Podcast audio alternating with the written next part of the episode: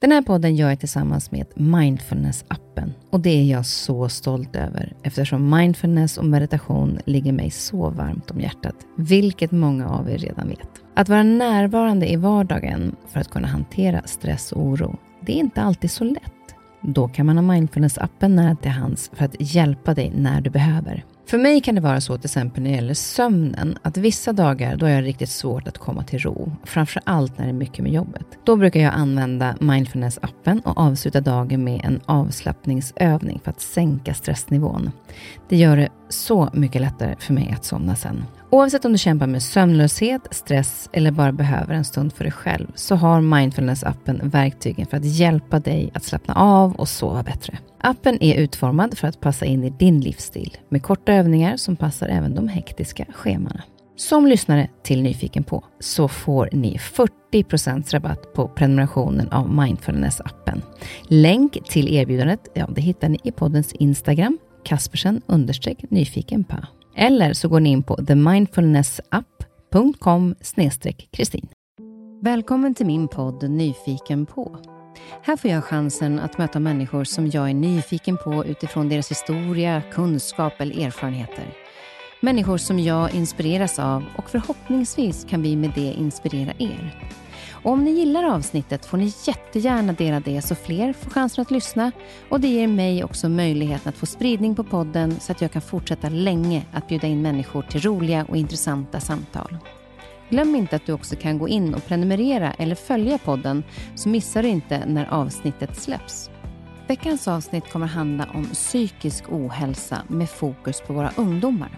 Jag har bjudit in psykologen och psykoterapeuten David Vaskori som tidigare var med i ett avsnitt och då pratade vi om vad man kan göra för att inte hamna i utmattning. Men idag ska det handla om den psykiska ohälsan som har ökat och framförallt då bland unga. Det finns många anledningar till det och det är viktigt att vi lär oss och att vi förstår. Men det jag känner just nu är att det är viktigt att identifiera när ungdomar börjar må dåligt, vad kan vi göra åt det och hur kan vi stärka ungdomar, inte bara i självförtroende utan också i deras självkänsla. Så därför har jag bjudit in David, som har lång erfarenhet inom området, att ge tankar och verktyg till oss som befinner oss runt de unga, men även till er som är unga och är mitt uppe i det som är jobbigt. Det finns vägar ur psykisk ohälsa med mer förståelse, mer kunskap och hitta de rätta verktygen.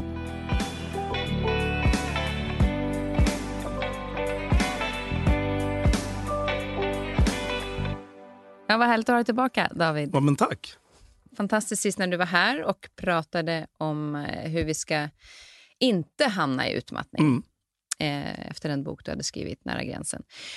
Nu ska vi prata om någonting annat och det är ju psykisk ohälsa. Och eh, Idag tänkte jag att vi skulle fokusera på det här med ungdomar. Mm. Eh, för det har ju ökat ja. eh, senaste tiden. Mm om man tittar liksom i det större perspektivet, vad tror du det är som gör att det är så många som har hamnat i det nu? Mm.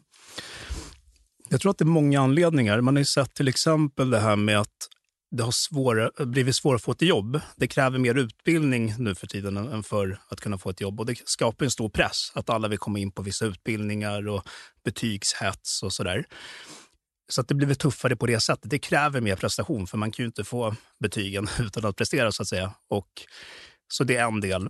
Sen misstänker man att det här med sociala medier och jag vet inte exakt hur mycket belägg det finns för det, men man misstänker att det kan också ha en del av det här. Att man jämför sig mycket, dels i, på Instagram med varandra. Det är mycket press där. Det finns det här som man kallar för fear of missing, missing out. Eh, Många personer håller på med det här med dataspel väldigt mycket. Det kan också vara en faktor. Eh, en annan faktor är att det har blivit större klyftor i samhället. Alltså att vissa personer, för man vet att oftast att de som har det socioekonomiskt sämre drabbas värre av det mesta och även psykisk ohälsa. Eh, så det kan också vara en faktor. Så det finns en del olika, olika faktorer. Mm. Men, men, kan man se att det sker i en viss ålder när det gäller de unga? Man har nog sett en ökning allt från tidiga tonår uppåt. Um, så det är lite ja. utspritt egentligen, ja, men att det, att det börjar redan i tidiga tonåren. Ja, eh, och de som hamnar i tidiga tonåren, har det då med skolan att göra, eller så prestationen att man, med betygen att göra då i den åldern? Jag tror att det skiljer sig olika, så det går nog inte att säga så att alla mår dåligt av en anledning. Och jag tror att det är alltid svårt att kunna sätta fingret exakt på vad det är. Men man har kunnat se att, det är väldigt många som mår dåligt. Men sen just anledningen, den kan man bara spekulera i. Mm. Men de som drabbas av, av psykisk ohälsa påverkas ju väldigt mycket mentalt såklart, mm. men, men kroppen också eh, i det. Mm. Vad, vad skulle du säga är de första signalerna som man skulle kunna se hos någon som eh, börjar hamna i det? Mm, precis. Nej, men det, jag tror att man ska titta på beteenden som har förändrats, alltså avvikande beteenden. Så vi säger att personen kanske brukar vara, om ens barn brukar vara glada och sociala och plötsligt börjar liksom stänga in sig mycket i sitt rum eller bli mer tystlåt eller se mer nedstämd, ut. något, något avvikande. Sen är det klart att det finns ju så många olika typer av psykisk ohälsa. Så att, jag menar, hur en person som missbrukar beter sig kontra en person som är deprimerad kontra en person som har social ångest, det, det ser ju väldigt olika ut. Men, men när man känner att någonting står rätt till, jag tror att som förälder så får man en magkänsla liksom någonstans att oj, det, är någonting här. Mm. Och när man känner det, att man vågar ta det på allvar. Och Sen kanske det finns någonting eller så kanske det inte var någonting. Men att man ändå li, litar på sin magkänsla men ofta är det något avvikande beteende som inte är så vanligt. Ja, så man kan tänka då att om det är en, en eh, tonåring till exempel, där kan de ju faktiskt bli lite tystlåtna och ha en attityd oavsett. Eh, mm. Så att det sker en förändring ja. i ungdomars utveckling i deras beteende. Mm. Men, eh, men någonstans så tror jag, tror att man som förälder ändå kan känna liksom magkänslan att det här är inte tonårsbeteende utan det här är någonting annat. Men jag tror inte att man alltid kanske vet exakt vad det är, men det är där man, jag tror att man behöver undersöka vidare. Att det är ens ansvar som förälder att säga att okay, men nu är det någonting, men är det bara någon tonårstrots eller någon fas eller är det någonting annat? Men att, att man inte släpper det där eh, utan att man går vidare. Sen är det så att det visar sig att det var två dagar och sen är allting som vanligt igen, då kanske det inte var något. Men det är någon som har något så här, oj, nu har det gått två veckor och han eller hon är väldigt tystlåten och nedstämd och har varit i två veckor och stänger in sig i sitt rum och det här är inte det vanliga. Ja, men att mm. man då tar det på allvar och säger, men vänta, oj, det, det här är någonting vi måste undersöka vidare. Sådär.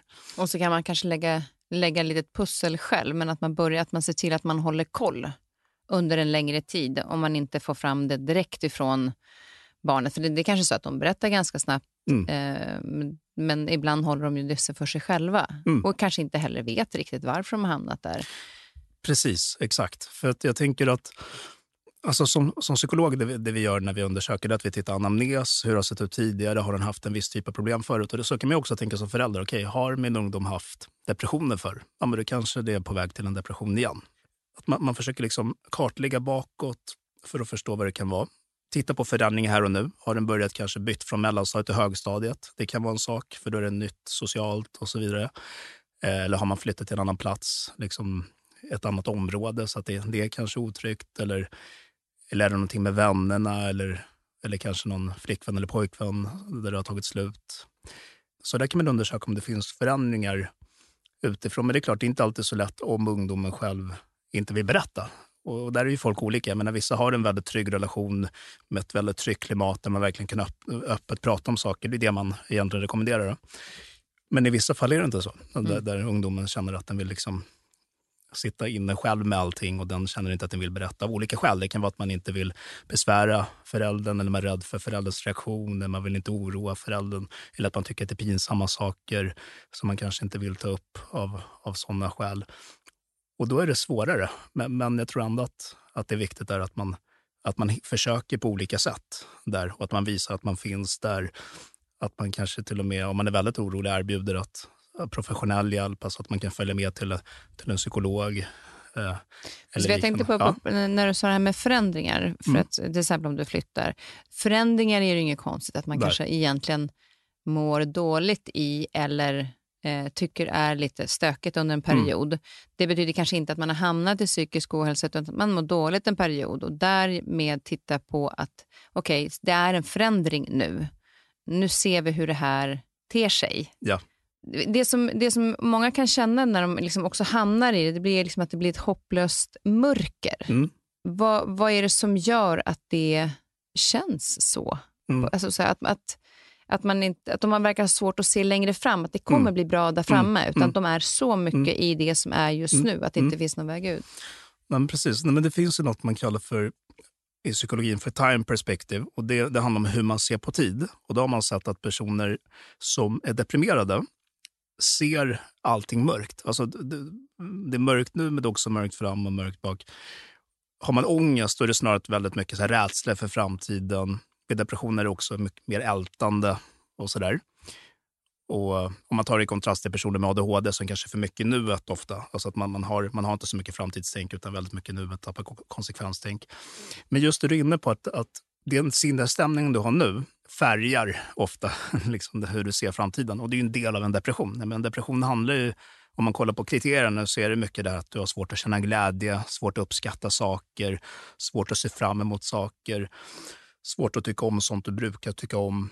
Och det kan bli så pass mörkt och kolsvart att, att man känner att det, det kommer aldrig bli bra. så att säga. Och det, sen finns det nivåer på en depression såklart. Det finns en mild depression där man är lite nedstämd och där det, där det kanske handlar mer om att aktivera sig lite extra och så kommer man ur det. Och sen finns det liksom medelsvår och sen svår depression. Och har man en svår depression då kan det vara på den nivån att man inte orkar gå upp och borsta tänderna. Liksom, allting är kolsvart. Och då behöver man verkligen professionell hjälp för då, räcker, då, då brukar man köra terapi plus antidepressiv medicinering.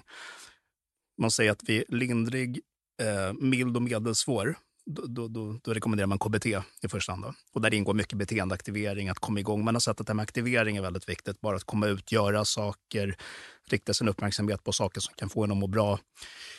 Tvinga sig själv till saker. Det, det, det, blir lite som att ta en antidepressiv fast utifrån. För när du träffar en person eller gör någonting så, så händer ju saker med dina signalsubstanser. Precis som att ta en antidepressiv medicin. Då. Men man har sett också att vid svår så räcker det inte bara med terapi utan då, behöver du, då rekommenderar man både och. Då. Just det.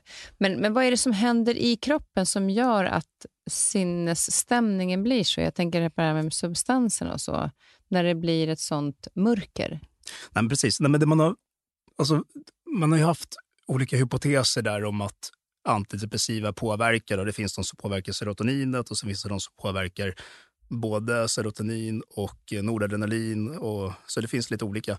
Men sen senare har man vet också att man har, man har kommit fram till att man har haft svårt att veta exakt varför det är verksamt. Man har vetat att det är verksamt, men har inte kunnat säga så här, exakt, jo vi vet att det är just därför. Så att säga. Så att jag tror att det inte är helt lätt att uttala sig exakt om varför, men man vet mer att depression då, ja, hur det yttrar sig. Och det är ju så med alla de här diagnoskriterierna. Om vi tittar på DSM där alla diagnoser står, depression, ångest, utmattning och så vidare. Att man går ju väldigt mycket på hur det yttrar sig. Alltså man går inte in i hjärnan och tittar, jaha, är det det som är aktivt? Eller ja, den ADHD och så går man in och tittar på det och så vidare. Utan man tittar bara på beteenden. Har du det här och det här? Har du haft det under ett halvårs tid eller har du haft det under en två veckors period? Och jag tror att det är begränsat med att veta. Men, men, men, men, hypotesen är ju mycket där att det handlar om serotoninet och dopaminet och, mm. och de där substanserna. Men det kan också påverka den fysiska kroppen, att man får ont i magen, att det finns andra sådana saker som man kan också hålla utkik efter i kombination. Jag menar om man ska titta på en ungdom som, ja. som inte mår bra. Alltså är det mörkt och det är ont i magen och att det liksom mm. ger fysiska konsekvenser också. Exakt, exakt.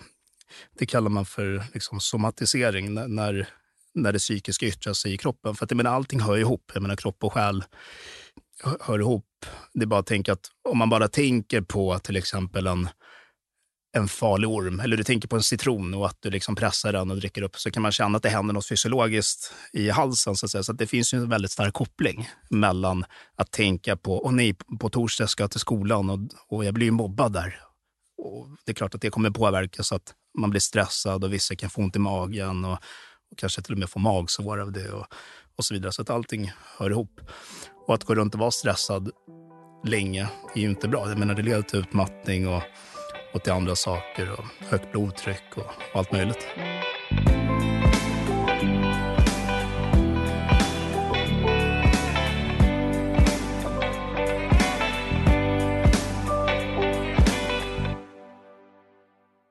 Jag tänkte vi skulle komma in på några, några case för att ja. ge lite exempel på situationer. Då kan vi börja med stress, ja. Eh, mm. som du var inne på. Vad skulle man säga är det för typ av stress som ungdomarna drabbas av idag? Du var inne lite grann på mm. prestationen där, men mm. om vi utvecklar det lite. Mm. Nej, men precis. Nej, men det finns ju många olika eh, typer av stress. Men några vanliga som jag stöter på ofta handlar om betygen. Alltså man kanske går, man går gymnasiet och så vet man att okej, okay, snart går jag ut trean och så kanske man går i en klass där, där alla andra liksom håller på och pratar om betyg och hets och komma in på skolor och, och allt möjligt. Och så lägger man ner väldigt mycket tid på det. Men så kanske man hamnar efter av olika skäl. För att jag menar, det är ju en jobbig ålder. Ibland kan det vara både skolan plus att man kanske vill ta körkortet. Plus att man kanske vill, eh, liksom, ah, men nu går jag ut eh, trean så att då vill jag kunna resa lite grann. Man har så många saker på gång och man jämför sig med de andra och man tänker att alla andra lyckas så himla bra med sina saker. För det är ju lätt att man, det här att man jämför sitt inre med andras yttre. Alltså att man, ja men de får ju bra betyg och de mår bra och de, deras relationer går bra och de har så mycket vänner och, och jag är dålig. Liksom att det är lätt att det blir en felaktig bild där. Och så pressar man sig själv väldigt mycket och, eh, och går runt och ångest för man tycker inte att man uppnår det man borde uppnå. Man tycker inte att man får de här betygen som man ska ha och, och då, det betyder att man inte kommer komma in på den skolan man vill komma in och hela framtiden blir dålig. Och så, så hamnar man i någon sorts ångest slash eh, stressläge där man bara går och ältar. Men vad kan man sakerna. göra då som, som eh, förälder runt omkring? Därför att någonstans är det ju så att det är klart att det är roligt om ens barn lyckas i skolan, men det är ju också så här, många, jag har ju hört många föräldrar som har extremt prestationsinriktade barn och de är ju så oroliga för dem. Det, det är inte, de bara, men vi skiter i dina betyg, mm. liksom, mm. släpp det, men det går inte. Mm. Eh, hur ska man själv utifrån, eh, att få barnen att liksom utgå från sig själva mer än att jämföra sig med andra? Ja, men precis, det är en bra fråga. Jag menar, väldigt mycket psykologin brukar man prata om arv och miljö, så det är svårt att veta ibland så här, hur mycket av, av olika saker kommer från inlärning och liksom psykosocialt och hur mycket är genetiskt. Men, men om man då har en ungdom som har det här att man är väldigt prestationsinriktad, då skulle jag som psykolog misstänka att, att det finns någonting bakom. Det måste inte vara så, men jag skulle undersöka, börja titta på okay, hur har det sett ut genom livet. Har föräldrarna jobbat väldigt mycket? Har barnen lärt sig det där? Har man som förälder bekräftat kanske barnen mycket i prestation? Har man pratat om att ah, det är jätteviktigt att du kommer in på den skolan eller du ska bli det här och så vidare. Och så vidare.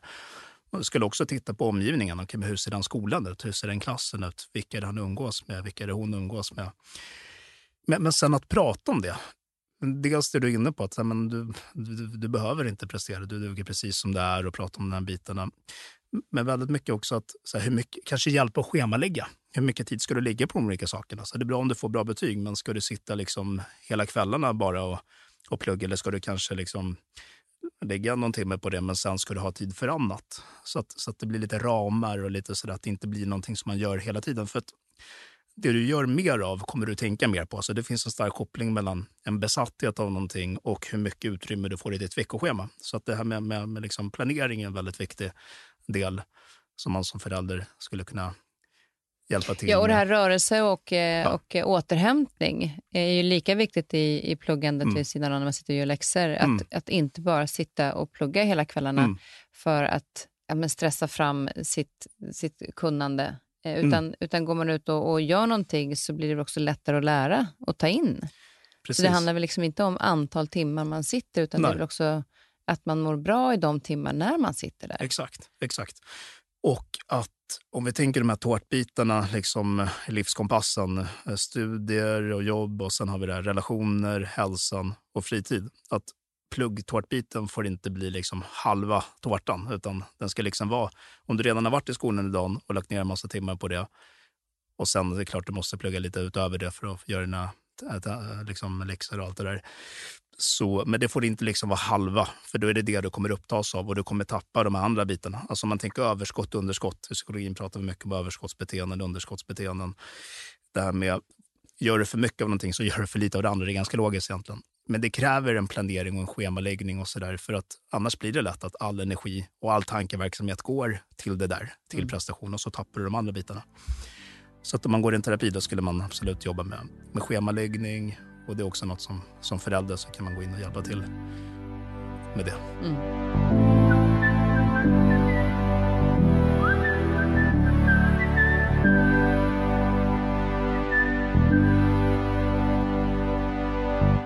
Om man då tittar på andra typer av stressfaktorer så har vi inne på sociala medier som man, man tror att det är en av orsakerna till att eh, psykisk ohälsa ökat bland ungdomar.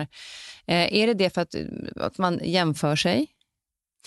Precis, dels finns det där liksom FOMO, fear of missing out, och ja, men jämförelse. För jag menar, det, det är ju så att mycket i sociala medier är ju att visa liksom de bra sakerna.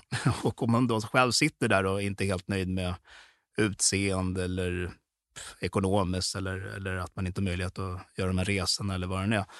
Och det är oftast en felaktig bild. För börjar du titta på de här personerna som har allt det här, det är inte som att de har ett perfekt liv heller. Men alla människor har ju sitt. Alla människor har ju att det Fast de kanske inte alltid vill dela med sig av när de mår dåligt, för det Nej. behöver de dela med själva då. Så det betyder ju inte att de inte är så här, jag vill bara visa mitt liv som Nej. är bra, utan Nej.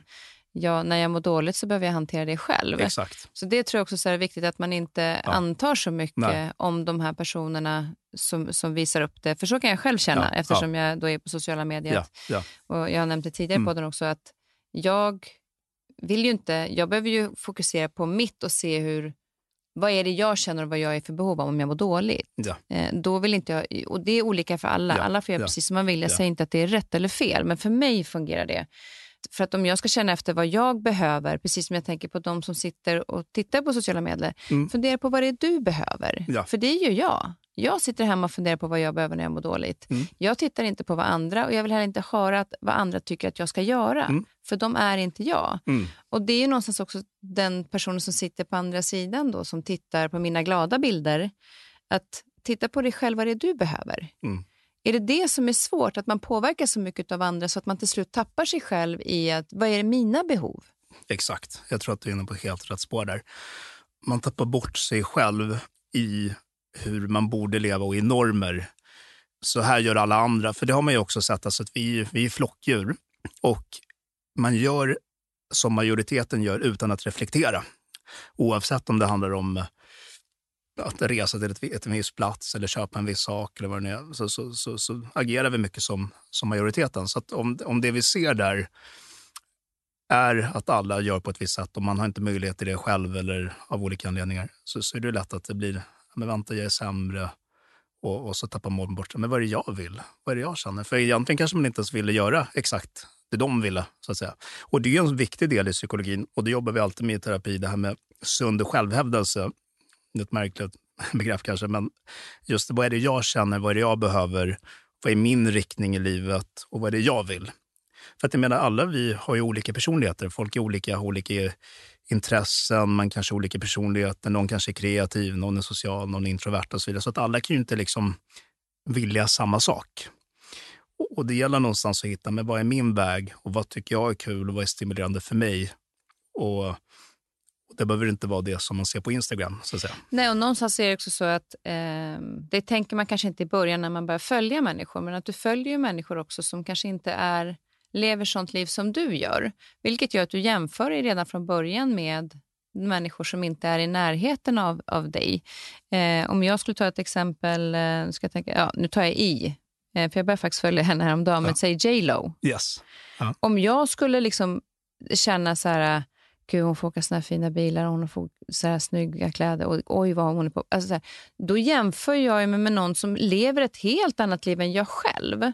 Istället för att man, ska man kan man gå tillbaka och titta så här, vilka är det jag följer? Vilka känner jag att jag inte mår bra av att följa? Då kan att, att, att klicka bort dem. Mm. För att hitta kanske de som, de här inspirerar mig. Mm. Och med risken för att jag själv blir av med följare nu, men jag vill inte att någon ska må dåligt av att följa mig. Nej. Jag vill ju hellre att någon ska bli inspirerad, Mm. men inte jämföra sig med mig, men tänka så här, ja, men jag kanske inte kan göra helt så där, men kanske lite så kan jag göra. Mm. Mm. Eh, men får jag människor att må dåligt, det är det sista jag vill. Mm. Så det ligger ju, det är det som jag också Ja. att det ligger Ja. ju hos den som klickar in, vem ska jag följa? Ja. Ja. Att, att inte följa dem. Och vilket är svårt. Nej, men absolut, alltså, det är ju ens egna ansvar i slutändan. Man kan ju inte lägga det på att så här, ingen ska få göra något kul på, på Instagram, utan det måste ju ligga hos Nej, men en jag förstår själv. att det är svårt också, för man Ja, kanske har börjat ja, följa dem ja, och inte haft en ja. tanke på att jag kommer att Ja, må dåligt av exakt. att följa. Exakt, Och sen så märker du inte själv att du hamnar i det. precis. Men, men skulle man kunna göra så är att så här, när jag tittar på vissa konton till exempel, vilka är det som jag mår dåligt av eh, i, där jag är just nu? Sen kan Mm. du alltid följa dem igen. Absolut. Nej, men det är en jättebra idé, att vara sann mot sig själv. Där. Men vilka, precis som med vänner eller vad man än gör, eller med ett jobb, vad är det som känns bra? Och sen försöka få in det som är bra, få bort det som inte är bra.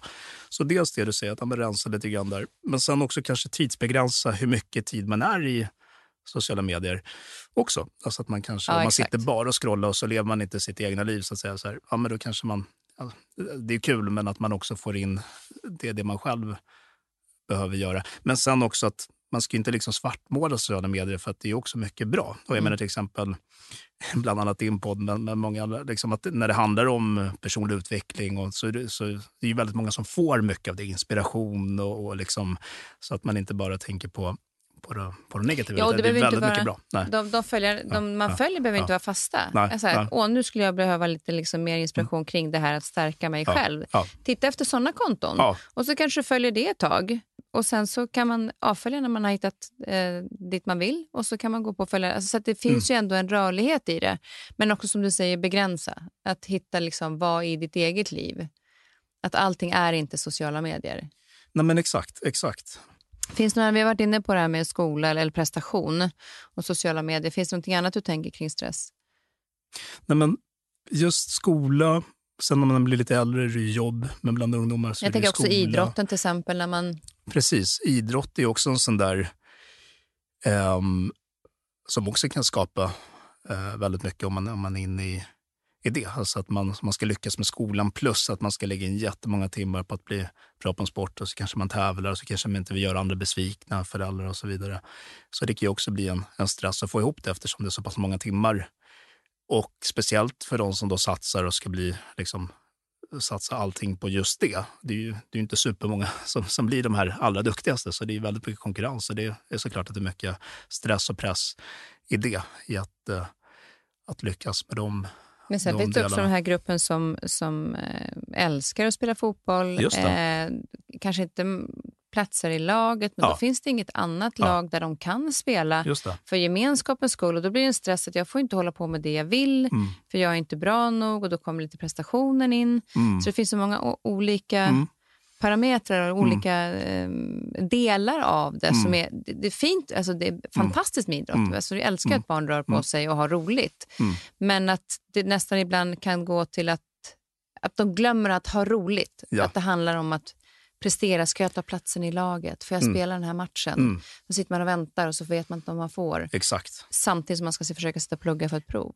Ja, men det är inte konstigt att det blir tufft för ungdomar. Nej, men precis. precis.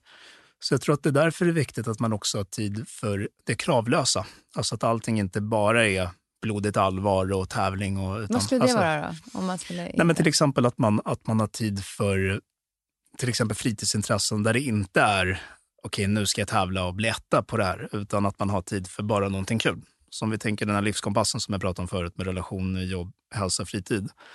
Då kan man tänka att jobbet, ja, men det är ju redan kravfyllt som det.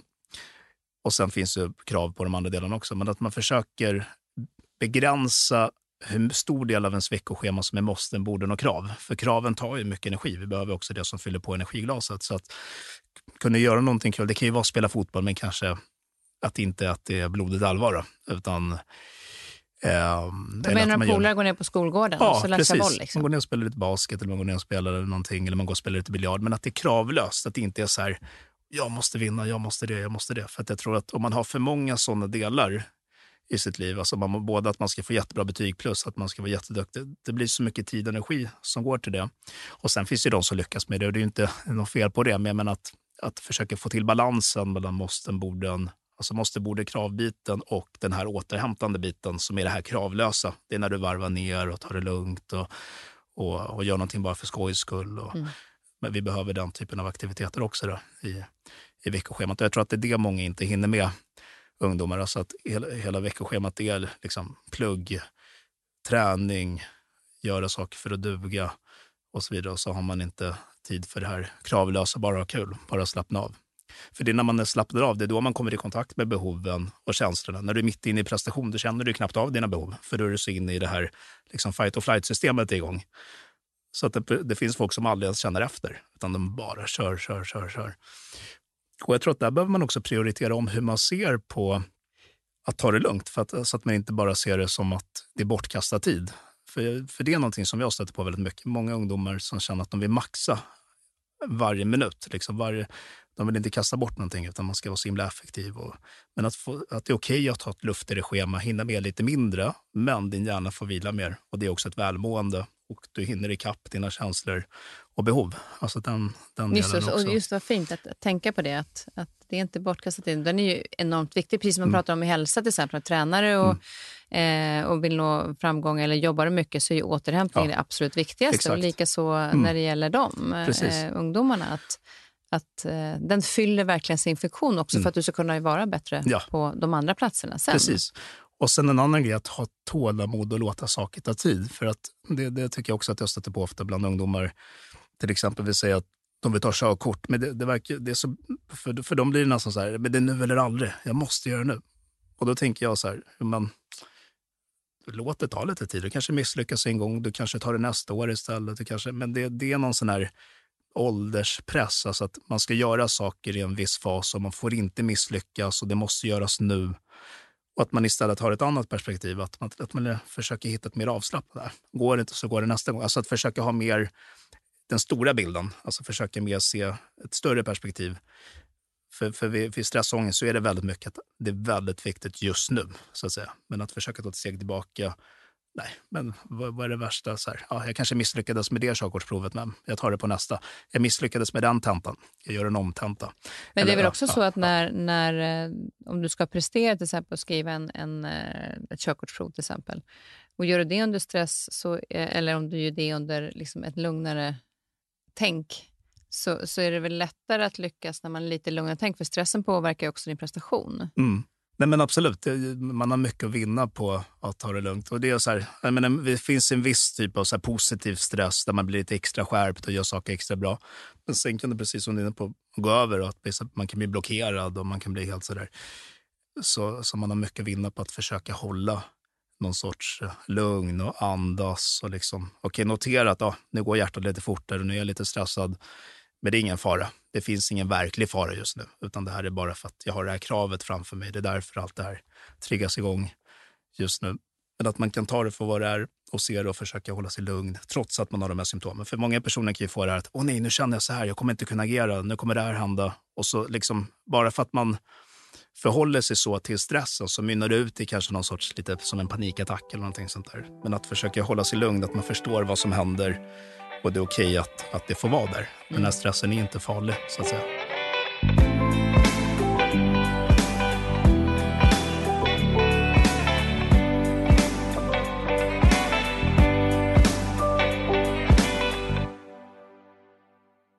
Om vi går in på ett, ett annat område så handlar det om, eh, tänkte jag prata om social ångest. Vad är det? Jo, men social ångest är, alltså om vi tänker att begreppet ångest handlar ju alltid om att man är rädd för någonting. Så om vi går tillbaka till det här fight or flight-läget som vi pratade om, som vi har. Det är samma fight or flight-läge vid stress och ångest. Vid stress triggas den av krav, vid ångest triggas den av rädslor. Och sen finns det olika typer av ångest, olika diagnoser. Och då finns det social ångest, panikångest, generaliserad ångest, hälsoångest och några till. Och vid social ångest, då är rädslan förknippad med att stå i centrum och man, har väldigt mycket, man tycker det är jobbigt, man tror att man blir granskad. Så man tänker att de andra tänker dåliga saker om en. Och det triggar då hela det här fight or flight-läget. Och då börjar man ta till undvikanden. Så att då börjar man liksom, ja, nej, men jag räcker inte upp handen i klassrummet, eller jag går därifrån, eller jag går inte på den här festen, eller eller någon ställer en fråga till mig och så kanske jag blir tyst och så går jag därifrån och så vidare. Så att man tar på sig det man kallar för undvikande eller säkerhetsbeteenden. Ett säkerhetsbeteende skulle kunna vara att man bara ställer frågor till andra men man berättar inget om sig själv. Eller att man håller med alla andra istället för att säga vad man faktiskt tycker. Alltså man gör saker för att inte sticka ut. För att det skulle bli för jobbigt att sticka ut, för att då ökar risken för att bli granskad och göra bort sig. Var kommer det ifrån att man och hamnar det, i det. Och det är samma så arv och miljö där också. Att man, man vet att vid psykisk ohälsa, att om man ser att ja, man har någon mamma, pappa eller någon farbror, eh, farfar som hade någonting så är det ökad risk att man själv får det. Så det kan finnas en, en sårbarhet från början. Jag skulle säga att det är i kombination med att det händer saker. Alltså att man kanske har varit med om jobbiga saker, det, man kanske har börjat en ny klass, man kanske hade någon det måste inte vara så, men det skulle kunna vara så att man, man hade någon situation där man räckte upp handen och sa någonting fel och så blev det en rädsla efter den gången. Eller man, hade, man skulle hålla en presentation och så kanske man fick hjärtklappning och så gick det inget bra just den gången. Och så fastnar den bilden och så tror man att det kommer bli så varje, varje gång. Då. Men det är oerhört jobbigt och det är extremt eh, begränsande. Och, och det kan leda till en depression också. Så att en, en person skulle till exempel kunna ha en primär social ångest. Det det, men det leder till en depression för att din ångest gör att du inte kan göra några roliga saker och du bara fastnar i ditt rum och du tappar alla de här viktiga aktiviteterna som då är viktiga för dig för att kunna må bra. Och sen till slut så blir du deprimerad. Och då behöver man jobba med båda, båda delarna. Men hur kan man göra till exempel med, eh, med det här om man då, eh, en ungdom som går in i klassen och inte vågar, eh, till exempel du pratar om att räcka upp handen.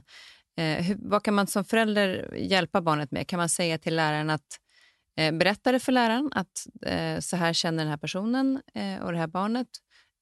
hon nickar istället eller han mm. nickar istället. Mm. Är det de viktiga sakerna? Att, att ta små steg i mm. taget mm. eller ska man liksom försöka ge sig på en så här, våga ta den här stora förändringen? Vad tycker du? Mm. Är det små steg eller stor? Nej, men jag tror små steg är superviktigt. Så jag tror att som förälder är det bra att läsa in sig i vad social ångest är så att man förstår. För att vissa föräldrar kan göra det felet att man pressar på för mycket. Man förstår inte att det är social ångest och så förenklar man det. Ja, men det är väl bara att göra det där. Och jag menar, då blir det bara sämre för personen, för ungdomen, för att då känner det nästan så här, den känner sig inte förstådd. Och det kan nästan bli som en skam, så att han är misslyckas jag med det här också. Min pappa tycker att jag bara ska göra det här, men jag kan ju inte det, för det är för jobbet. Nej, och just det här att räcka ja, upp handen ja. kan för pappa eller ja. mamma vara ett litet steg. Ja. Medan för barnet kan det vara enormt steg. Ja, precis. Och då handlar det om att hitta, så här, okay, vad kan, vi, kan man räcka upp handen första gången i en liten grupp? Exakt. Kanske? exakt. Nej, men det är en jättebra idé och det är så vi jobbar i, i KBT. Så om man, om man skulle, liksom skulle jobba med social ångest så skulle man börja med att få personen att förstå okay, vad som händer. Okay, du triggas av sociala situationer, du får tankar om att de tänker saker, dina tankar stämmer inte, du undviker. Och receptet är, alltså för att bli av med det, det är att dels förstå att de här tankarna inte stämmer och inte låta ångesten begränsa dig. Och då, och då gör man det gradvis, alltså man pratar om eh, eh, gradvis exponering. Så man börjar med lite enklare grejer. Man skulle till exempel kunna göra en skala eh, 0 till 100 i hur jobbiga olika saker är. Och då kanske 100 är den allra jobbigaste saken, att hålla en, presentation, en föreläsning eller en redovisning inför klassen. Och så kanske 30 skulle kunna vara att räcka upp handen. Och då brukar man börja med 30. Men det, man, får, man får anpassa det utifrån personen. Då. Och, och då har man märkt att om man gör den där som är 30 flera gånger, då kommer den till slut bli 10 i jobbet. För att när man, märker, när man exponerar sig och märker att det där, jobb, det där farliga inte hände, det blev inte så att alla skrattade åt en eller man gjorde bort sig jättemycket, utan man märker att ja, jag fick puls, men jag fixade det. Då har man sett att det blir mindre och sen jobbar man sig upp i den där sakta men säkert. En annan viktig del i social ångest är ju det här som, man, som heter postmortem. Och det är att personer som har social ångest ofta går in i situationer i efterhand och kritiserar sig själva väldigt mycket. Alltså de hittar fel de gjorde i den sociala situationen som inte stämmer med verkligheten. Så till exempel, eh, jag tänkte, ah, men varför sa jag det där? Åh, oh, vad dåligt, varför sa jag det där och varför gjorde jag det? Och det, de blir överkritiska och det gör att ångesten blir ännu sämre till nästa gång. Så det är också en viktig del för, för personer som har social ångest, att inse att de gör det här och försöker liksom släppa gamla saker och försöka förstå att de är överkritiska och, och kanske försöker liksom att inte älta det allt för mycket. Ja, det där ältandet ja. är ju så svårt också att bryta. Ja. Ja. För kom, de, kommer ju liksom, de bara dyker ju upp utan mm. att man ens ber om det. Exakt. ja. Tanken bara, ja, men vad fan, jag skulle ju inte älta, så gör jag det ändå. Ja. Och sen så bara, går det fem minuter, ja nu är jag där igen. Exakt. Eh, men, men försöka påminna sig om att hitta någonting då att, att eh, tänka på, liksom, hitta en annan, när jag börjar tänka på det igen, kan man då hitta så här att gör en aktiv handling åt ett annat håll. Så att man lägger fokus på någonting annat. Ja. Så påminner man sig själv i alla fall att nu är tanken här, men nu tar jag och dricker vatten istället. Alltså, eller... Exakt. Det skulle kunna vara att man bara inser att det jag håller på med nu är den här sociala ångestkritiken. Så att förmodligen var det inte så dåligt som jag målar upp just nu. Förmodligen gjorde jag det bättre än vad jag tror just nu. Man skulle också kunna gå igenom och försöka minnas hela situationen som den faktiskt var och då märker man oftast att, aha, vänta, jag förstår nog upp det där. Det är en tankefälla. Jag väljer att hitta det dåliga, för att det var ju faktiskt, vi säger att man gjorde något i 20 minuter och så minns man en, en, en ensekunds grej som man sa. Då kanske, ja men vänta, det var ju, jag sa ju många andra saker också. Mycket var bra. Det är inte alls säkert att de la märke till just det där och så vidare. Så att det kan vara antingen att försöka släppa med en annan aktivitet eller försöka inse att man håller på med det där eller försöka minnas kanske hela sekvensen och inse att det är en tankefälla man man håller på med. Och bara där. man börjar med det så har man i alla fall börjat resan på något sätt. Eh, att, att också känna Jo. det. Att nu, nu tänker jag på att jag får tillbaka de här tankarna. Jag försöker göra någonting Ja. annat. Och det är ett steg på vägen. Ja. Även om det är liksom... För det behövs ju tränas på. Jo. Jag tänker också att det är skillnad på att älta som vanligt och sen att älta och veta att vänta, nu håller jag på med den här grejen som man brukar göra vid social ångest. För att om det är ett vanligt ältande då skulle du kunna tänka att ja, men det är bra att jag tänker på det här för jag gjorde faktiskt fel. Då kanske man liksom vill behålla de där tankarna.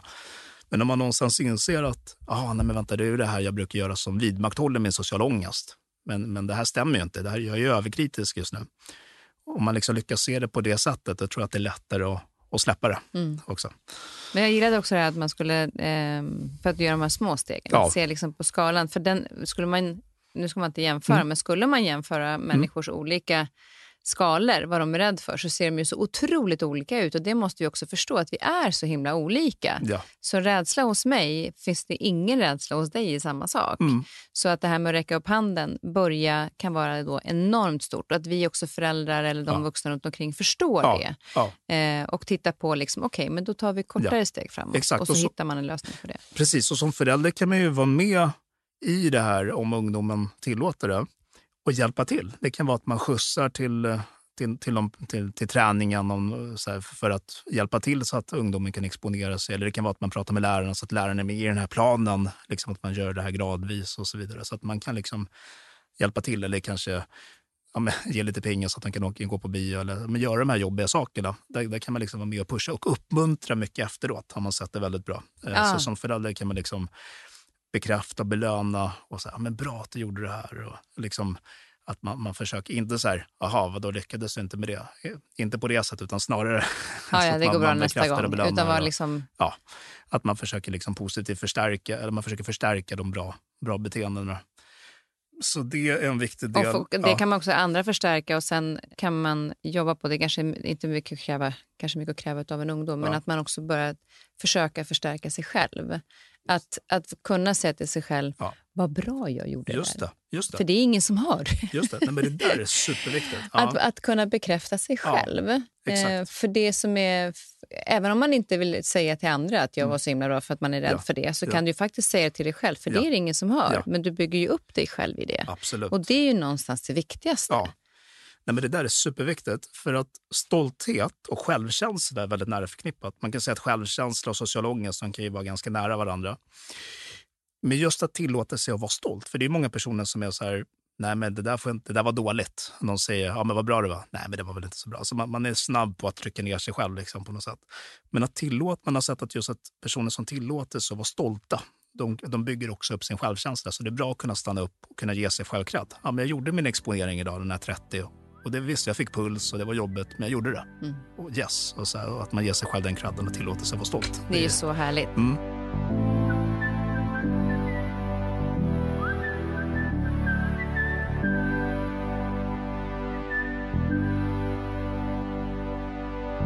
Vi ska ta, eh, titta på det här med mobbning också. Som, eh, det har ju funnits i typ alla år och eh, det finns ju bara organisationer och, och skolor och många som jobbar för att få bort det, men det finns ju fortfarande. Och eh, tyvärr, eh, varför blir någon mobbare?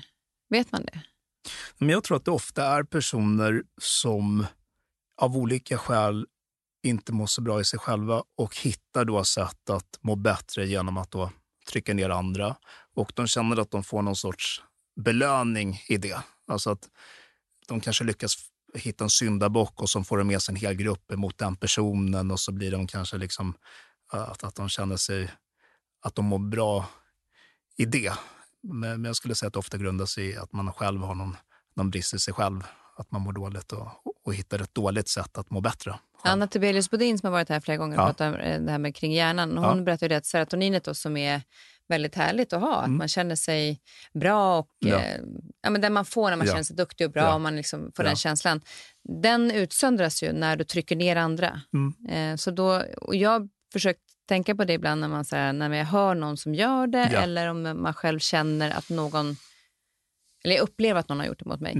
Då kan jag tänka så här, men kanske de har lite brist på serotonin, tänker jag, för att, för att inte ta det personligt. Mm. Nu är det för mycket att kräva av ett barn, men men hur ska man hantera när barnen drabbas av det? För det är att ett barn kommer hem och är mobbat men kanske inte direkt säger det. Mm. Men jag tror att man verkligen måste börja med att lyssna, prata, visa att man finns där, att det här är absolut inte okej okay, och att man som förälder då kommer göra allt man har i sin makt för att kunna få det här att sluta på något sätt. Och sen får man där, jag skulle säga att man, man tar kontakt med skolan. Det kan vara både lärare, kurator, rektor. Och att man tillsammans där hittar en plan och kollar vad skolan har för rutiner för det här. Men jag skulle säga att det är bra att blanda in. Jag tror inte att man kanske som förälder själv ska bara börja ringa andra föräldrar och så vidare. Jag, jag skulle nog hellre rekommendera att man, man går den vägen med skolan och kollar deras rutiner och man försöker involvera och, och att man försöker få det här att och sluta. För att jag menar, det kan vara extremt eh, jobbigt för, för en ungdom att bli mobbad. Och, eh, så, så det måste verkligen... Ja, för det skapar så mycket andra mm. saker. Det är inte bara rädslan av att möta en person som mobbar, utan det är liksom ett obehag att gå till skolan mm. eller när man på vägen till skolan mm. kanske möter den här personen. Mm. mm. Alltså det blir ju en, en oro i ja, det ja. andra livet också. Exakt. Och konsekvenserna, mm. för det tycker jag att man har människor som eh, har vuxit upp och är vuxna. Eh, när vi pratar om så här, ja fast jag var mobbad som barn och det påverkade mig så starkt mm. att jag när jag blev vuxen har fastnat i det här. Mm. Så att konsekvenserna av, av att mobba någon annan för den personen ser en händelse där och då som är mobbare. Mm. Men konsekvensen för den person som blir mobbad den kan vara livslång mm. om man inte hanterar den. Absolut. Så därför är det så viktigt att vi plockar det där och då. Mm. Eh, vad, vad, tycker du själv att, att kan barnen själva göra någonting? Att våga stå, även om det är mycket begärt, men det kanske finns någon som ändå vågar stå upp lite grann. Ska de våga säga ifrån att jag tycker inte om att du gör så här? Eller ska de gå och tala om för en lärare att nu har det här skett? Eller vad, vad, vad ska man ge för råd till barn som drabbas mm. i situationen mm. att de ska göra istället för att bara krypa undan och inte mm. säga något? Nej, men precis. Nej, men jag skulle nog säga att det där är ett råd som jag alltid skulle ge föräldrar. Att, att träna upp ditt barn till att kunna vara självhävdande. Och just det här att kunna sätta gränser, säga ifrån och sådana bitar. Det är jätteviktigt att ha den sidan. Eh, och för vissa kommer det väldigt naturligt. Men vissa personer är ganska så här, har en sånt, sånt temperament att man har lätt att säga ifrån och till och med blir lite arg och brusa upp. Och så. För vissa personer så, så, som är lite socialt ängsliga eller för så agreeable, att man är lite för till lag, så då är det mycket svårare. Så precis som när vi pratar om social ångest, det, det, det, att man inte tror att det är superenkelt för alla. Alltså, jo, du borde bara säga ifrån, så här, för det är inte alltid så himla lätt. Och speciellt om det är flera personer och, och de kanske är mycket större än vad, vad den här ungdomen är och så vidare. Och så vidare. Men, men absolut, jag skulle säga att det där är någonting som man alltid ska ha med sig. Mm. Att, att, att träna på självhävdelse. Men jag tror också att man, man ska tänka att, att inte låta den ta hand om det själv. För jag menar, är det mobbing och det är på den nivån, då är det någonting där, där föräldrarna måste ingripa så att man inte lägger allt ansvar på, på ungdomen. Nej, nej precis. Men, men, man, man backar upp. Ja, man backar men upp. Att, ja. att, just att hantera själva ja. situationen, då är inte föräldern där. Nej, nej. Så att de liksom vet lite grann hur ska jag tänka i situationen. Och är det så att det känns hotfullt så ska man kanske inte säga någonting direkt utan så här, låt det vara, var tyst, mm. gå därifrån men prata med någon annan så fort du kan. Eller hur, mm. hur tänker man? För det, är inte, det kan ju vara hotfulla situationer där man kanske inte känner att, det kan ju, behöver inte bara vara en, det kan ju vara flera som står mm och mobbar en person. Mm. Så det, det... Nej, precis. Så jag tror att såklart att det är bra att, att, att, alltså liksom att kunna säga ifrån. Och sen mobbing kan ju vara så mycket. Det kan vara verbalt, att någon säger elaka saker. Det kan vara fysiskt, att någon mm. liksom slår dig. Och vad gör man i den situationen? Det är klart att det är bra att kunna säga ifrån. Att lägg av, det där är inte okej. Men förmodligen så kommer inte det göra att de slutar av den anledningen. Och, och i det fallet då, då blir nästa steg, tänker jag, att gå till föräldrar och, och liksom ta in andra som, som kan lösa det här, hjälpa dem att lösa, lösa det åt dem. Eh, och göra det ganska snabbt så ja. man inte går och bär på det. Mm. För jag tänker det här, Nu pratar vi om skolan, men jag, jag, eh, tyvärr så existerar ju alltså, mobbing även mm. i unga vuxna och vuxna. Mm. Eh, det är väldigt tydligt i skolan, men det blir, finns också den här tysta mobbningen också. Utesluter, eh, människor känner sig utanför. Mm. Att hantera det som ung vuxen, säg att du är runt 20-22 års åldern och mm. blir exkluderad eller mm. pratat bakom ryggen. Mm. Där är också en form av, av mobbing som man mm. kanske inte tänker som mobbing mm. egentligen. För det är så förknippat med skolan. Mm. När man känner sig sådär kanske lite utfrysen och upplever sig själv kanske lite mobbad, men tyst mobbad. Mm. Den är nästan svårare tycker jag. Att Mm. såhär, för det finns ingenting att peka på. Nej. Hur, hur, hur hanterar man det? Nej, men precis. Nej, men den där är ju väldigt vanlig. Alltså i, det kan vara både i vänskapsgrupper, alltså att man, man känner sig... Så, "Jaha, men varför hör de aldrig av sig till mig? Eller varför gör de saker utan att ta med mig? Eller så här, den typen av saker kan många må dåligt av. Och likaså med, med på arbetsplatser. Där kan det vara så mycket liksom, om man säger poli, politik. Liksom, att man, mm, det är många som kanske vill eh, klättra i karriären och så kanske man liksom håller någon utanför för att det skulle gynna, det gynnar den mer och så får den andra reda på det och det är klart att den blir jättebesviken. Så, aha, hade de ett möte utan mig till exempel? Och den typen av saker. Och jag menar, vad, vad gör man i de situationerna? Jag tänker att om det... Jag tror att om det är någonting... Alltså där får man ju se, så är det jag som själv överreagerar och är känslig? För det är ju alltid så här, okay, hur mycket har faktiskt hänt och hur mycket är den egen känslighet? Vissa personer är väldigt känsliga och ser saker som, som är bara som de har skapat själva. Så att säga. Men om det är så att man märker att nej, men, det här är inte okej. Jag menar, så här, Men det sker vänner, kanske gång på gång. Ja, mina vänner liksom, så här, som ska vara mina närmaste, men de hittar bara på saker och hör aldrig av sig längre. Men då måste man undersöka, ta upp det. Så, men jag har märkt att ni hittar på saker utan mig.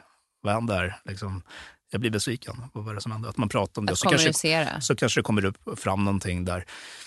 Eller på arbetsplatsen också. Men om det ska funka så kan man ju inte bara ducka under. Jag tror att det kan finnas en sida hos en som bara vill undvika och, och inte gå in i det för att slippa konflikten.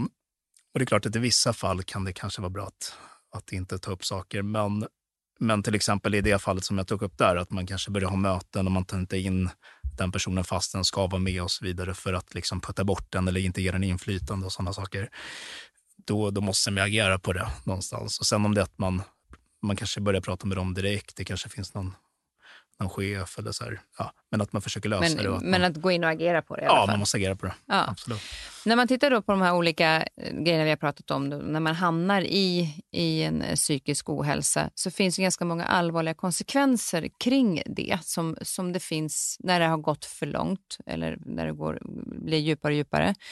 Eh, som droger eller olika spelberoende eller anorexi. Och det finns många olika saker. Vad skulle du säga är, är de vanligaste sakerna man kan se att, att eh, de hamnar i? Ja, men det är, alltså, ungdomarna kan ju fastna i, i, i alla de här olika. Och alkohol och droger är ju en. Jag menar, missbruk är ju, man säger att det är biopsykosocialt och det innebär helt enkelt att, ja, men som vi var inne på förut, arv och miljö. Man kan ha en sårbarhet, man kanske har någon farfar som hade alkoholproblem. Och så kanske man dricker första gången tillsammans med, med de andra ungdomarna när man är 16 eller någonting sånt där, 15. Men den som hade den här sårbarheten fastnade. Så det var inte ens dens fel. Den drack de här folkölen som alla andra, men den drack kanske tio så att den fick- en blackout och de andra kunde dricka tre. så att säga. Och så börjar det bli liksom ett mönster kanske att varje helg så dricker den för mycket och den hamnar på, liksom, kanske på sjukhus eller andra olika saker. Så det, det är ju ett scenario. Men kan det Eh, också vara ja. så när det gäller alkoholen, jag tänkte på det här Ja. med sociala ångesten till exempel, Ja. att när man när man dricker lite grann så bara, åh nu känner jag mig, jag fick Jo. inte bara lite självförtroende här. Absolut. Och så vågar man vara med i gänget eh, bland människor. Absolut. Nej, men precis, precis. Just det där som är biopsykosocialt. Den psykosociala delen kan ju mycket väl vara det där att man använder då, eh, alkoholen som ett säkerhetsbeteende för den sociala ångesten. Även dataspelsmissbruk skulle man kunna ta till vid social ångest. Alltså att man, man är inne och spelar hela tiden. Och utifrån tänker man så här, den älskar dataspel. Men det kanske är att det började för att det var så lätt att spela dataspel för att då slapp man vara ute och träffa folk. till exempel. Alltså att man, man gömmer sig där istället för att vara ute och exponera sig socialt. Men jag skulle säga att det, ja, även eh, droger, eh, finns det många ungdomar som, som hamnar i. Och det är ju det är relativt vanligt att det finns olika typer av droger och alkohol och droger blandat och, och Ja. sådär. Eh, Och det, ja. Men hur ska man se de första... När, hur ska vi se att det här är någonting som inte är okej? Nej, men jag skulle säga att, alltså jag vet att vissa tycker annorlunda, men jag skulle säga att det är bra att vara väldigt hård på att inte, som förälder, att inte erbjuda alkohol innan man är 18. För man har sett att ju tidigare man börjar, desto snabbare, lättare hamna i ett beroende. Så att man inte går på de här ifall ungdomar försöker säga jo men det är bättre att du köper ut för annars kommer jag dricka hembränt eller någonting sånt där. Att man inte går på det utan att man säger nej, här har vi en regel. Och det är från 18 uppåt. Det är för att du har lättare att hamna i ett beroende innan du är 18 helt enkelt. Så att man sätter en gräns. Men, men det kan bli en väldigt svår situation ifall ungdomen kommer hem, vi säger två helger i rad och eh, kanske kommer hem och liksom vinglar in och, och, man märker att oj, det här är verkligen inte bra. Så händer det. Och där måste man verkligen sätta sig och prata om det, att det här är inte okej. Okay. Jag menar, du, du, du mitt barn, du bor, bor, liksom, vi bor tillsammans och det, som förälder måste jag liksom sätta gränser mot det här. Det här beteendet är inte okej.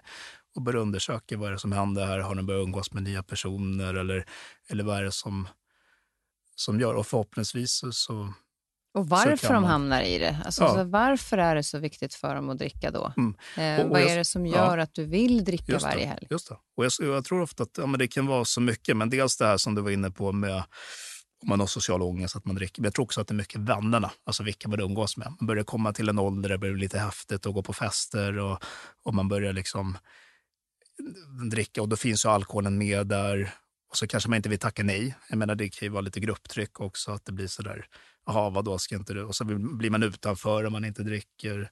Så jag tror att det handlar mycket om vilken, vilken, vilken grupp man är med. Mm. Och jag menar, vi är ju flockdjur där också när det kommer till det. Är man med en grupp som dricker mycket och festar mycket så, så kommer det också bli att man själv gör mer av det. Och där är det inte helt lätt sådär att Jaha, vad då ska jag tacka nej eller ska jag räkna hur mycket jag dricker eller ska jag sluta umgås med de vännerna? Och man hamnar i sådana saker. Men ja, där måste, ja. Jag tänker också på att det, blir ju en, en liten kick också. Mm. Eh, om man tycker att saker och ting är jobbigt annars så får man en liten kick och mår lite bra av någonting så blir det rätt att ja, men fasiken, det här var så härligt att jag mår lite bra här mm. oavsett vad det är som mm. orsakar till att jag mår dåligt. Ja. Att det är lätt att falla dit på Absolut. det av den anledningen också. Absolut, och ens hjärna är ju inte färdigutvecklad när man är liksom i den åldern. Så att då är man ju ännu mer i nuet. Alltså man, man tänker ju inte så här, men det är inte alla som tänker då. Om vi tänker tvärtom mot det här med prestationsångest så finns det de som är tvärtom att de tänker väldigt lite på skolan och väldigt lite på framtid. Och så hittar man det här roliga, Aha, att man ska festa några dagar i veckan och dricka mycket. Och så tar det över och, det, och då blir det så här, men varför ska jag göra det här tråkiga? Speciellt om man kanske har ADHD. Då är det en ökad risk, för då är man extra mycket det där att man, man triggas av belöningar. Eh, men jag tänker på att det som också känns eh, genom det vi pratar, det är kanske att man ska komma lite grann på självkänsla och självförtroende. Mm. För att eh, självförtroendet ligger ju i prestationen, det man gör, och självkänsla den man är. Och många av de här gångerna så är det ju att man inte känner, man jämför sig med andra på sociala medier, man orkar inte stå emot andra som säger saker om en. Alltså det finns en, en osäkerhet och den blir ju inte mindre om man utsätts för saker utifrån. Mm. Hur ska vi hjälpa barnen i att, att hitta självkänslan, mm. eller unga? Mm. För att har de mm. inte det sedan de var barn så kan de kanske försöka hjälpa sig själva att mm. hitta det nu. Mm. Nej, men precis. Det, det, är inte jättelätt liksom, om, om det är någon som redan har byggt upp en väldigt låg självkänsla att bara ändra på den. Så det är väldigt bra som förälder tänker det för det från, från början så att, säga, att, att förebygga. Men, men, de klassiska sakerna som man vet påverkar självkänslan det är ju relationen till föräldrarna. Det är att eh, som förälder att man är bekräftande, validerande, att man inte är för styrande, att man inte är för frånvarande. Och att man liksom, ja, kärlek, trygghet. Alltså ett barn som växer upp och känner sig värderad utifrån, den känner att föräldrarna värderar ens känslor, föräldrarna bekräftar ens behov. Den lär sig också att göra det med sig själv. Den lär sig att, aha, ja, min mamma frågar mig om hur jag känner. Ja, men det betyder att min känsla är viktig, så då ska jag också bekräfta min egna känsla. Eller min pappa frågar om jag, vad jag vill eller behöver just nu. Ja, men det betyder att min vilja är viktig och det betyder att jag ska göra det med mig själv just nu. Och då bygger du upp en bra relation till dig själv och du lär dig att det här med sund självhävdelse, lyssna in dina känslor, behov, uttrycka dem, vara sann mot dig själv. Och det bygger liksom upp en bra självkänsla. Om vi tänker att motsatsen skulle vara ett barn som har väldigt mycket otrygghet eller väldigt styrande föräldrar eller föräldrar som är väldigt frånvarande. Och då lär sig barnet att jag måste överanpassa mig, eller jag måste vara duktig för att synas, eller jag måste det, jag måste det.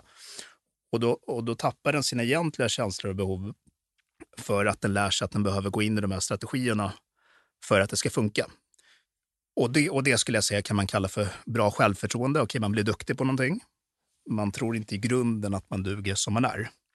Eh, men vad kan man då som förälder göra om man redan hamnat där? alltså att man har ett barn som, som har låg självkänsla. Jag skulle säga att det är att börja göra de här sakerna som jag pratade om. Att bygga relation, börja prata om vad känner du, vad behöver du? Bekräfta, lyssna in dens vilja och, och, och försöka så gott man kan finnas där på det sättet. Ja, och det, det, jag kan det, jag kan verkligen förstå att det är viktigt att det här med kärleken hemifrån och tryggheten. Men jag kände ju jättestark Ja. kärlek och trygghet. Jag Ja. hade jättebra självkänsla Ja. hemma. Ja.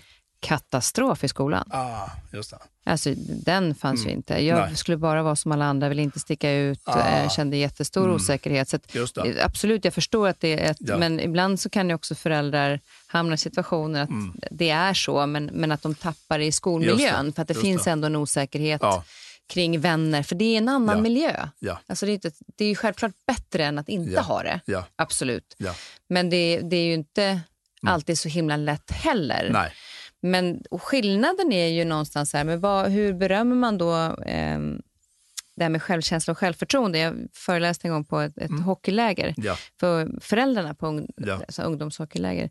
Och då tog vi upp ett exempel, för vi, det var liksom ett, ett samtal mellan oss där Ja. vi diskuterade tillsammans för att hjälpa varandra att hitta det. Och då, var det, då sa jag det, hur, hur, berömmer, hur bekräftar ni era barn eh, för att lyfta dem för den de är? Och så blev det först tyst. För att Ah. så här, ja, vänta nu, vad är det jag säger? Och då var det en man som sa, eh, men jag brukar eh, säga att han, är, han har hjälpt mig att klippa gräsmattan, att eh, vad bra du är som Ah. har gjort det. Ja, Och då så sa vi också så här, ja, och det är ju jättefint. ja, Men om man säger vad det betyder mycket för mig Mm. att du hjälpte mig. just det. För då har han gjort någonting också med mening, vilket visar att han är en bra person och inte Ja. bara duktig som har klippt gräset. För då är det en prestation igen. Ja, Men han kopplade ju, föräldern kopplade det ju till liksom, ting i hemmamiljö och så Ja. betyder mycket. Men det Mm. han sa var ju, som han kom på själv, ja, men gud, nu bekräftade jag igen prestationen. ja, Istället för att säga att du gjorde någonting gott för mig. ja. Eller att man säger när de går och lägger sig på kvällen, vad fint det var att se att du gjorde det här för din kompis. Mm, just det. Att, att lägga mera värdet på den, hur man är som person. Just det. Just det.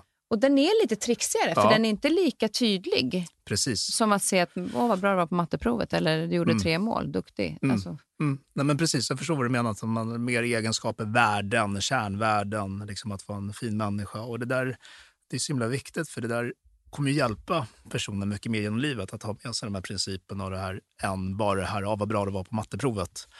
Och det absolut. Det och också att man kan Mm. säga, vad tror du om det, att man att också säger till barnet, att så här, vad känner du? Känner du att jag, ser du att jag blev glad? det, Alltså att man, ja. de också bekräftar sig själva, inte bara i prestationen utan också i självkänslan. Utan reflektera över, vad kul att jag gjorde pappa glad. Exakt, exakt. Precis, precis. Dels att man frågar ungdomen vad den själv känner. Eh, Det tror jag är jätteviktigt. Och, för, för då, blir man, då, då börjar den fråga sig själv. Ja, men vad är det jag känner? Och sen också att oj, mamma intresserar sig för vad jag känner. Och så där. Så det där tror jag... Nej, det är spännande tycker jag med det. Jag tänkte eh, innan vi eh, pratar om liksom vilken typ av hjälp man ska Mm. försöka ta, så tänkte jag bara att unga vuxna, till exempel om man har barn över 18 år, så ser Mm. man att sitt barn mår dåligt. Hur mycket får man lägga sig i? Mm, mm. Nej, precis. Och det där är Eller en, en ja, vän Nej, men alltså, exakt. Nej, men det är en jättebra fråga. För att å ena sidan så menar man ju att det går inte att hjälpa någon som inte vill bli hjälpt. Alltså till exempel, vi säger att du kontaktar psykiatrin och åt, åt en anhörig. Då blir det väldigt svårt för psykiatrin att hjälpa den anhöriga om inte personen själv söker. För jag menar, det är ju svårt. Ska du tvinga på någon medicin eller ska du tvinga på någon terapi? Det är ju väldigt Men det kan ju svårt. bara att säga. hjälpa med att du ser, att Ja. du ser att ditt barn inte mår bra. Precis. Och du försöker så här, ska jag vänta på han får be mig om hjälp eller hon får be mig om hjälp eller ska jag faktiskt gå fram och säga, vet du vad, nu tycker jag att Mm. Ja. det känns inte som Jo, det står rätt jo, till. Vad exakt. känner du? Exakt, jo precis. Och, och där tror jag verkligen att, att man måste visa. Så att, att man förstår att det finns en begränsning i hur mycket jag faktiskt kan göra. För det är upp till den personen till slut att vilja ta, ta hjälpen. Men jag tror inte att man ska vara för passiv. Eh, utan jag tror att verkligen att man ska visa, både som förälder och vän och så vidare, att jag ser att du mår dåligt, jag finns här, jag är orolig och jag vill jättegärna liksom prata med dig. Hur mår du egentligen? Så man kan inte förvänta sig att någon som mår dåligt ska komma och be om hjälp. Nej, för det ingår i det dåliga måendet att man isolerar sig. Men är man deprimerad till exempel, då ingår det i depressionen att man isolerar sig och inte orkar prata med någon. Så jag tror verkligen att man ska visa att man finns där. Men det kan också ofta skapa en stor frustration i och med att det är så dåligt för omgivningen när, när en anhörig mår dåligt. Och man vill bara att den ska liksom ta hjälp, men så kanske den inte vill det. Och där skapar man det- här, alltså att man känner sig maktlös. Och det kan vara väldigt, väldigt väldigt jobbigt. Men jag tänker att det är att fortsätta försöka, fortsätta prova, säga att det finns professionell hjälp, säga att man själv finns där och så vidare.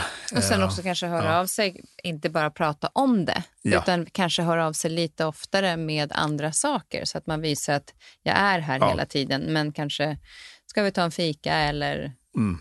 En, bara skicka ett hjärta ibland eller så man påminner om att, att du är inte ensam utan här är vi. Exakt, att man umgås kring andra saker eller att man kanske berättar lite om sig själv och sitt egna liv. Och det, bara, precis, det behöver inte bara vara oj, jag märker att du mår dåligt. Nej, för det, blir kan ju bli att man, man går på för hårt också. E- Och det har väl visat sig att det blir motsatsen, att om man går på för hårt. Precis, nej, men det, är- man har ju liksom sett att det här MI, motiverande samtal, som, som, man, som har mycket stöd i forskningen, har visat sig vara väldigt bra. Och det använder man både för att motivera till exempel personer med missbruksproblem och ja, massa olika saker.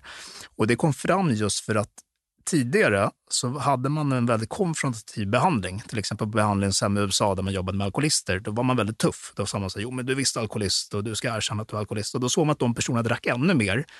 Och, och det berodde på att de kände skam. Om, man, om, om, om de går in så där hårt och så känner man att man går in i försvar och så vidare. Det hjälpte liksom inte för att sluta dricka. Men det man såg istället, och som man använder i MI, är ju det här med öppna frågor, att man rullar med motstånd. Man kanske säger, ja, men du kanske inte är alkoholist. Men, och så kanske man ställer en öppen fråga istället. Men vart vill du vara om två år? Jo, jag vill vara där och där. Okej, men det du gör nu, är det förenligt med, med det där du Ja. vill vara? Och så får det börja tänka själv på förändringar. Man kallar det för förändringsprat, att man försöker få personen själv att prata om förändring. Och det finns ett samband i hur mycket den pratar om förändring och hur mycket förändring den gör i framtiden. Så att du försöker liksom skapa rätt frågor så att den vill förändras av sig själv. Och det är ju svårt. Och jag menar det, man kan ju inte kräva det av en anhörig att de ska ha koll på allt det här. Men, men lite det tänket kan man i alla fall ha. Att Ja, har man med sig det ja, tänket istället för att gå på och säga, eh, för det, då blir det väl bara ett Ja. motstånd. Liksom, att, Exakt. Just som du säger, det med skammen och allting.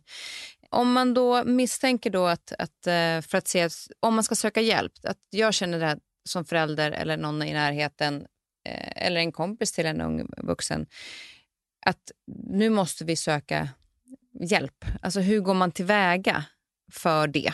Mm, Och när är det dags att, att eh, verkligen ta tag i det på riktigt? Jag skulle säga att när ett problem går ut över ungdomens fungerande, och med det, så- alltså vad är fungerande? Men det kan vara att man börjar liksom skippa skolan eller man börjar man skippar träningen. Alltså man märker att det är någonting som håller i sig inte bara en dag utan ett, ett antal dagar. Och, och det är ett problembeteende som går ut över ens fungerande.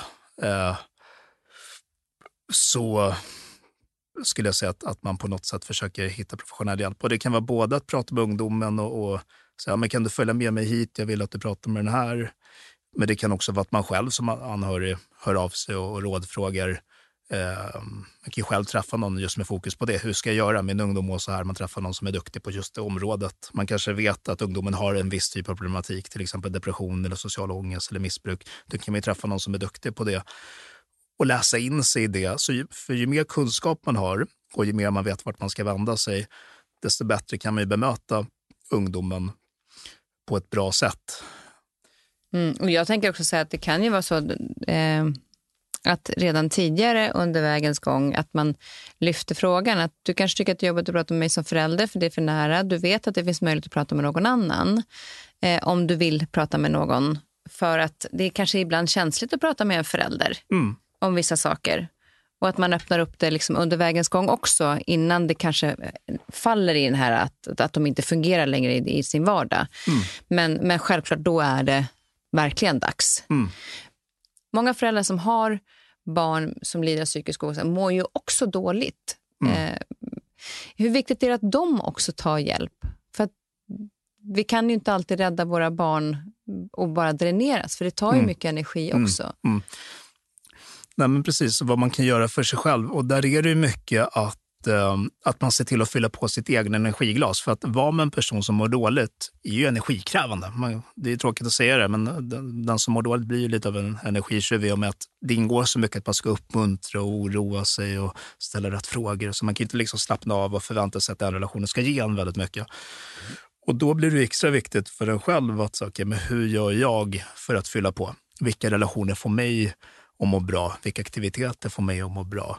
Vilka fritidsintressen får mig att må bra? Så att det inte bara blir det hela tiden. Eller att man till och med träffar någon det finns anhöriggrupper för olika, för olika problem. Det finns, man kan också träffa någon och prata av sig, alltså få avlastning och råd av någon professionell kring ja, det. För det tänker jag också är ja. bra att få. Alltså, går man och pratar med en, med en terapeut eller mm. psykolog eller vad man vill, mm. så kan man också få lite tips om hur man ska hantera situationen. För att, att vara förälder, man kan inte allt alltså. Mm. Nej. Nej.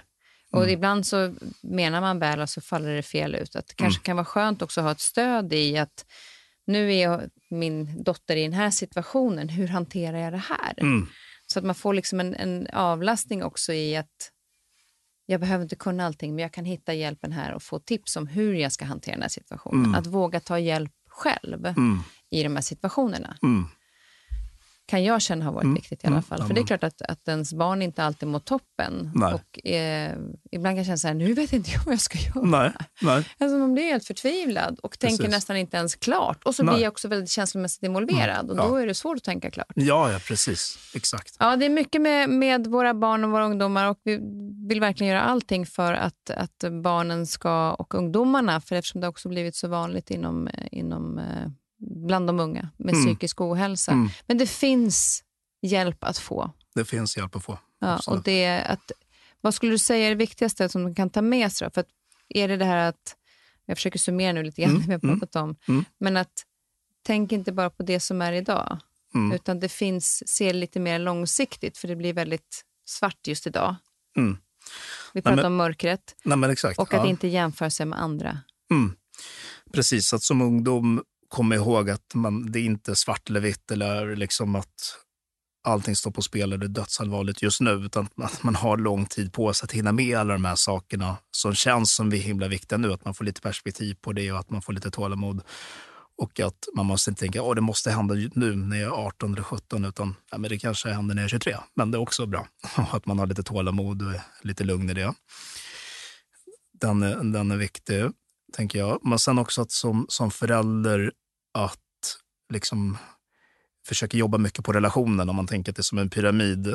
Att inte vara där uppe och bara liksom tjata och gnälla, utan att vara där nere i pyramiden, där basen, grunden av kärlek och bekräftelse, vägledning och liksom kunna bygga på relationen, ge mycket tid. Det har man sett eh, är och, viktigt. Och släppa lite, det är jättebra att bekräfta ja, ja, självförtroende ja, och prestationer, men ännu viktigare att eh, kanske bygga mm, självkänslan. Exakt. Eh, och fortsätta göra det under, under hela vägen egentligen. Mm. Och det ska ju vi också, eh, vuxna, göra med varandra. Så det är, en, det är bara att vi inte har egentligen tänkt på så mycket självkänsla och självförtroende tror jag. Precis. Eh, men, men det finns mycket att göra och det finns hjälp att få. Mm. Eh, och det kommer en tv-serie höst som du är med i. Exakt. Där det här exakt. kommer handla lite grann om det här. Precis, den heter Berätta. Dolt under ytan och det kommer visas på SVT. Och det kommer vara olika case kring olika ungdomar med olika typer av problematik.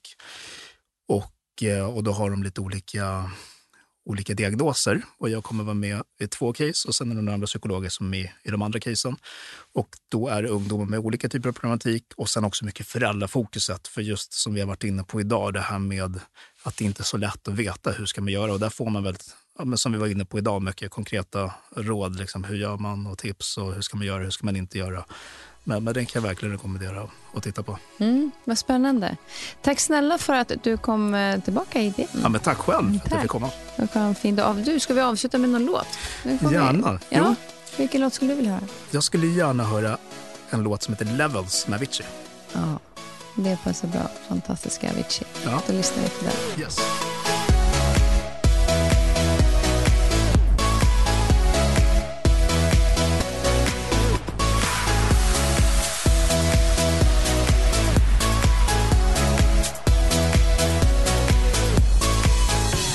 Nästa veckas avsnitt gästas jag av artisten, skådespelaren och nu också författaren Peter Jöback. Han är ju högaktuell med Så mycket bättre TV4 och framförallt med sin bok Att bära sig själv. En bok där han beskriver om hela hans karriär från barnmusikaler via de stora scenerna i London och Broadway till sina soloplattor där han brinner för berättandet. En imponerande karriär med en extremt stark drivkraft. Vi samtalar om karriären, om drivkraften som handlar om revansch och hur han ständigt vill utvecklas för att äga sin egen historia och vara stolt över sig själv. Missa inte nästa veckas avsnitt.